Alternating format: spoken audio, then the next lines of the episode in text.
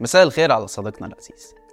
سنة 2005 شهدت مصر أول انتخابات رئاسية تعددية في تاريخها كله ورغم إن حدة المنافسة فيها ما كانتش قوية لكن البعض توقع إنها ممكن تكون خطوة على طريق الديمقراطية وإن بلد السبعة آلاف سنة حضارة أخيرا هتتخلص من فكرة الفرعون الحاكم. وقتها فاز مبارك بمدة رئاسية جديدة لكن نظامه وعلى عكس المتوقع شدد قبضته الأمنية. وقمع معارضيه اللي نفسوه في الانتخابات رغم إنهم ما هددوش عرشه ولا مثلوا بديل قوي قصاده.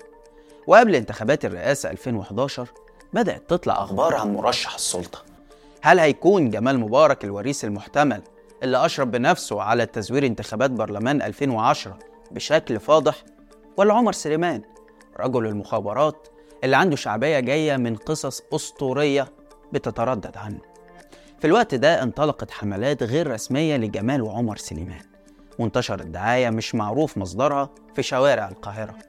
في حين أكد الحزب الوطني إن مرشحه الوحيد هو الرئيس مبارك وإن لو الرئيس مش هيترشح فلكل حادث حديث.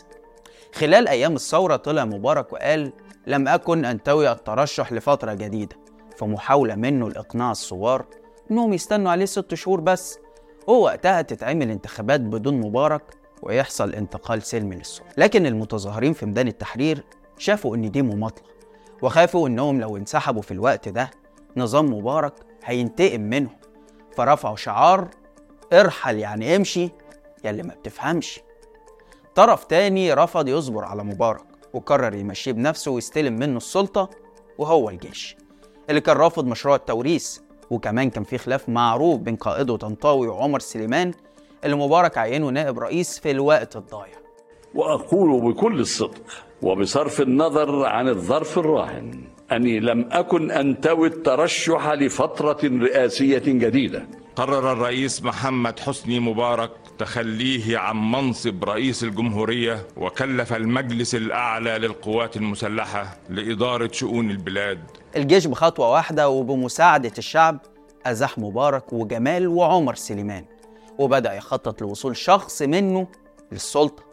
بس هيعمل ده إزاي وهو قدام حالة ثورية غير مسبوقة ونتائجها مفتوحة على كل الاحتمالات؟ سنة 2012 اضطر الجيش ينظم انتخابات رئاسية حرة لأول وآخر مرة في تاريخ مصر. شارك فيها ممثلين لكل التيارات من الإخوان لممثلي النظام القديم ليبراليين ويساريين وبينهم مرشحين بينتموا لتيارات الوسط. بس النتيجة كانت مفاجأة غير سارة للجيش وقطاعات كبيرة داخل الدولة. لما فاز مرشح الإخوان الدكتور محمد مرسي. وفعلا خلال سنة واحدة واجه الرئيس المنتخب صعوبات سياسية وأمنية واقتصادية. كتير منها مصنوع بهدف إفشاله. وبعضها فشل هو نفسه في التعامل الأمثل معاها عشان ينفذ الجيش خطته ويطيح بالرئيس مرسي. وتبدأ مرحلة انتقالية تانية كانت تمهيد لصعود وزير الدفاع وقتها عبد الفتاح السيسي لسدة الحكم. من خلال انتخابات الرئاسة 2014 اللي شهدت مشاركة منافس واحد بس فشل في إنه يتجاوز الأصوات الباطلة. من وقتها أصبح التحدي الصعب قدام السلطة هي إنها تجد مرشح رئاسي يقبل بإنه يلعب دور الكومبارس في مسرحية نهايتها معروفة للمشاهدين. في حين أصبح مصير أي منافس جاد أو ممكن يشكل تهديد حقيقي للسيسي هو السجن. في 2018 وفي اللحظة الأخيرة أنقذ جهاز المخابرات المشهد وجاب مرشح مغمور من مؤيدي السيسي وبرضه خد أقل من الأصوات الباطلة. النهاردة مصر على أبواب خامس انتخابات في تاريخها كله والنظام اتعلم شوية من تجاربه السابقة. فقدر يوفر ثلاث منافسين يلعبوا أدوار مختلفة بس كلها بتخدم في النهاية على بطل المسرحية. إزاي السلطة في مصر قدرت تفرغ الانتخابات من مضمونها؟ وازاي السيسي استغل حرب غزة في تثبيت أركان حكمه داخليا.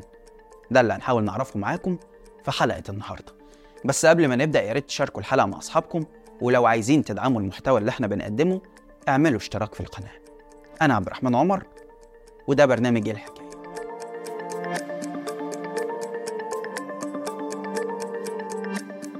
موسى مصطفى موسى. أنا بشكره. بش... أنا بشكرك. كنت أتمنى إن يكون في معايا في الانتخابات الأستاذ موسى مصطفى موسى وغيره وغيره. أنا اتشرفت. هل ننكر أن السيسي قام بدور تاريخي؟ الز- الزعماء المصريين لا يهانوا ابدا. حتى لو اختلفنا معاهم، يا سيدي حتى والله لو ارتكبوا مش هقدر أقول لك جرائم خليهم في بيوتهم. ولكن ربنا كرمنا بالرئيس عبد الفتاح السيسي عندما كان آه، وزيرا للدفاع آنذاك. وهذا الرجل كان وما زال وسيظل آه، بطلا قوميا. أهلا بيكم. لا صوت يعلو فوق صوت المعركة. عندما يتعلق الأمر بالأمن القومي فلا يحدثني أحد عن حقوق الإنسان. حرب غزة هي سبب أزمات الكهرباء والدولار. دي شعارات بيرفعها نظام السيسي النهاردة بدون أي خجل لأنه ببساطة شديدة شايف إنه الحرب جات له في أحسن وقت. قبل أسابيع قليلة من انتخابات الرئاسة اللي كان بيأمل البعض إنها تنهي مسيرة الفشل اللي مستمر بقاله عشر سنين وتكون فرصة للتغيير الآمن. والحلم ده اشترك فيه معارضين شافوا في أحمد الطنطاوي سياسي مدني قادر يخاطب الجماهير ويتحدى السلطة في أكتر من مناسبة. وكمان ناس من داخل دولاب الدولة والأجهزة السيادية حاولوا يطرحوا بدايل كان أبرزها محمود حجازي.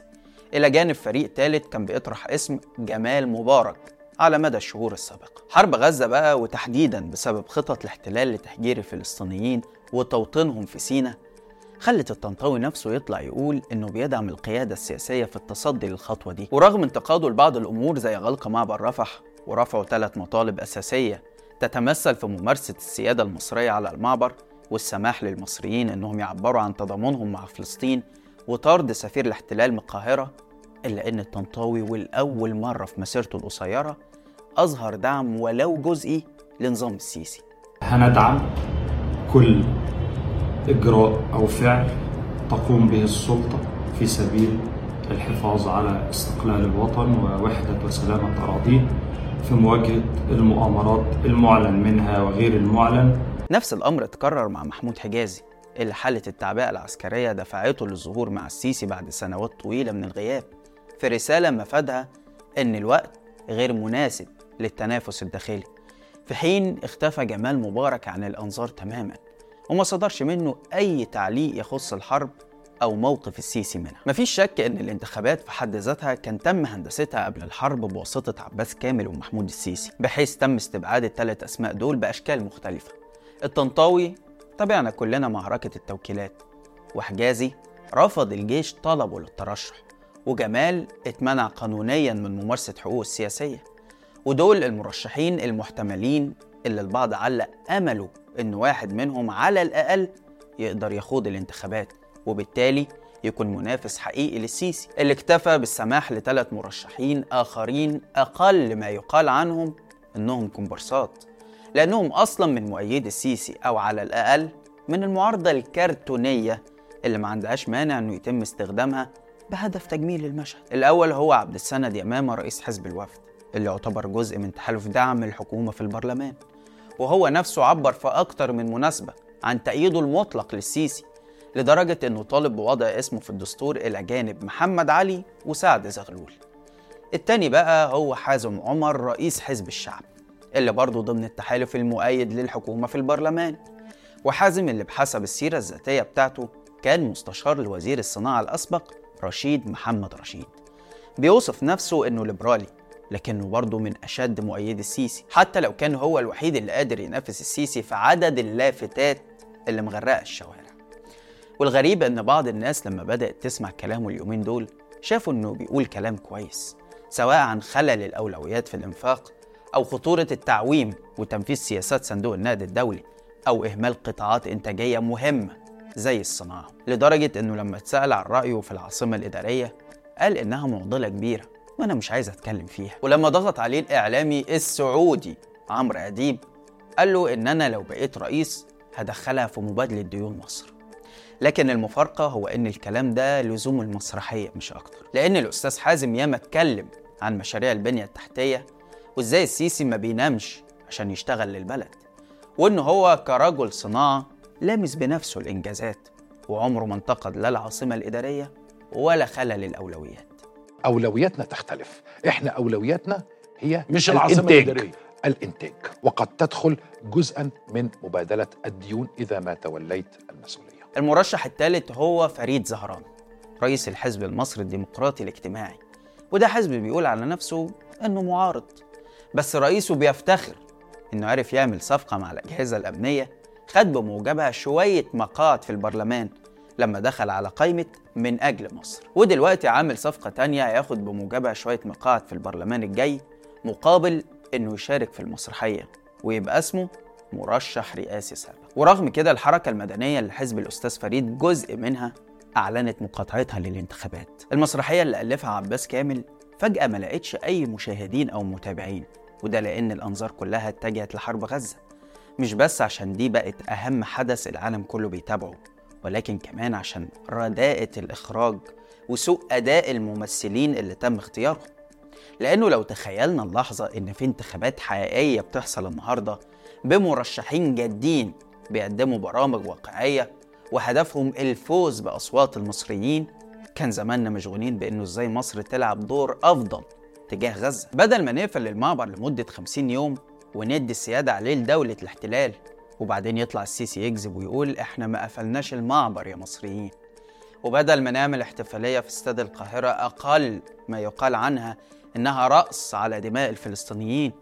وبدل ما مصر بمكانتها وتاريخها تطلع تطالب العالم بإقامة دولة فلسطينية منزوعة السلاح. بما يعني تأييد مساعي الاحتلال في القضاء على المقاومة. بل وإدخال قوات أجنبية وعربية لحماية أمن الاحتلال من خطر أصحاب الأرض الأصليين بنص تعبير السيسي نفسه.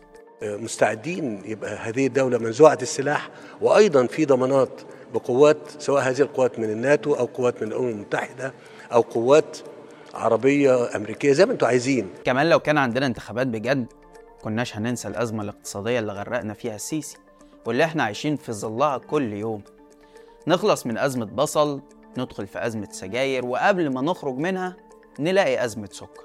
مين كان يتخيل إن المصريين يقفوا طوابير عشان كيس سكر وسعره كمان يوصل ل 45 و50 جنيه؟ ده طبعا غير انهيار الجنيه المستمر واللي تجاوز النهارده حاجز ال 50 جنيه بعد ما استلموا السيسي في 2014 وهو ب 7 جنيه.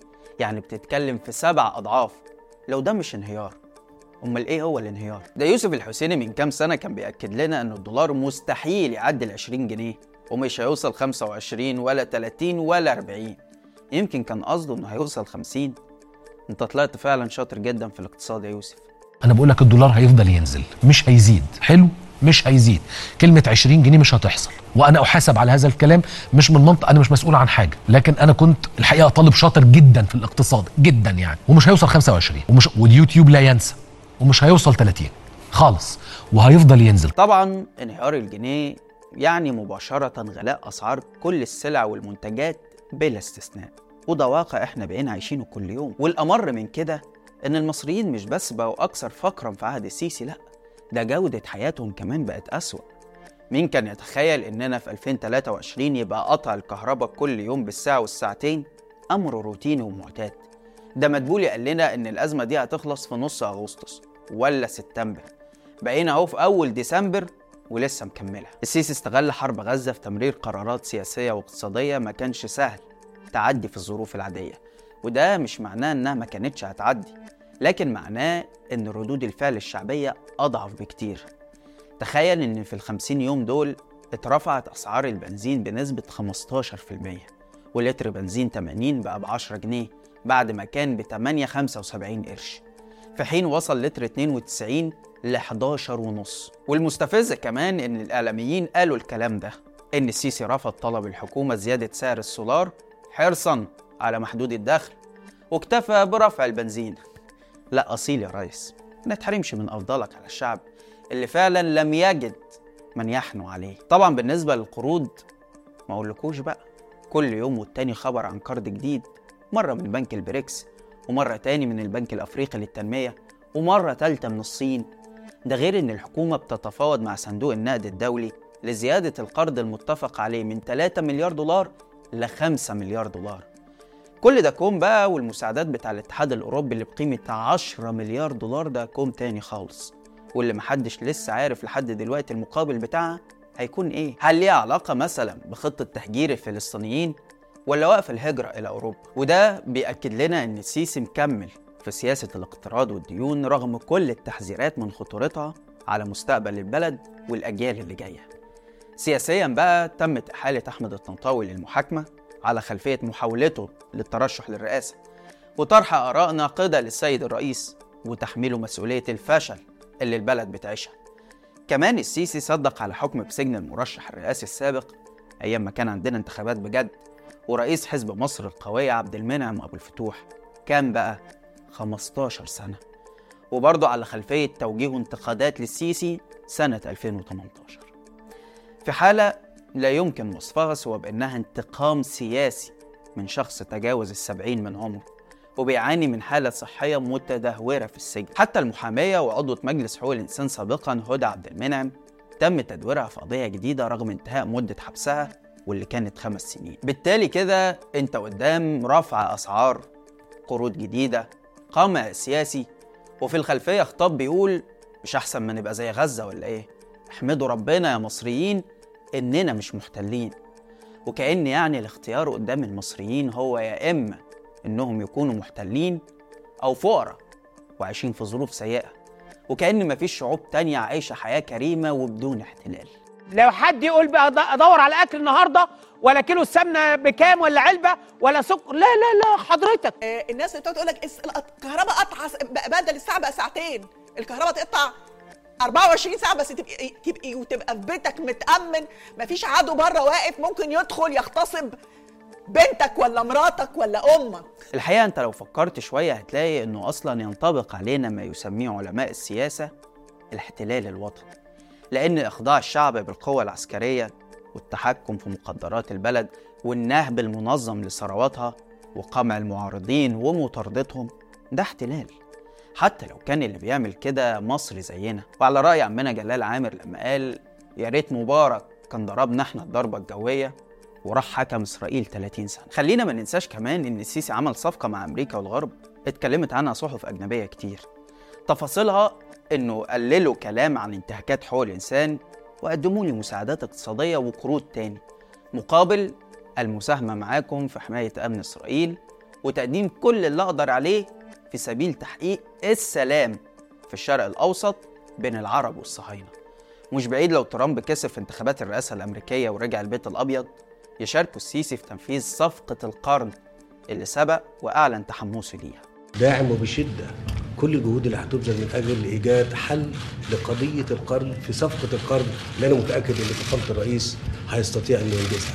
في النهاية السيسي نجح في استغلال الحرب بشكل كبير سواء في التغاضي عن فشله الاقتصادي أو في قمع خصومه ومنافسيه وتجاوز محطة الانتخابات ما يعني بقائه في السلطة على الورق لغاية 2030 لكن وزي ما مبارك ما كملش مدته الأخيرة والشعب والجيش سبقوه فاستمرار السيسي في اتباع نفس السياسات اللي أدت لنتائج كارثية قد يؤدي في أي لحظة لانفجار شعبي يطيح بيه هو ونظامه أو انقلاب من داخل الجيش يفرمل الانهيار اللي البلد رايحة ليه بخطوات سريعة. بس كده. لحد هنا والحلقة خلصت. شارك الحلقة لو عجبتك وتابع حساب شباك وحسابي على الإنستجرام هتلاقي اللينك في الوصف. واستنانا كل يوم اتنين وجمعة. الساعة 8 بالليل بتوقيت القاهرة في حلقة جديدة من برنامج إيه الحكاية؟ سلام.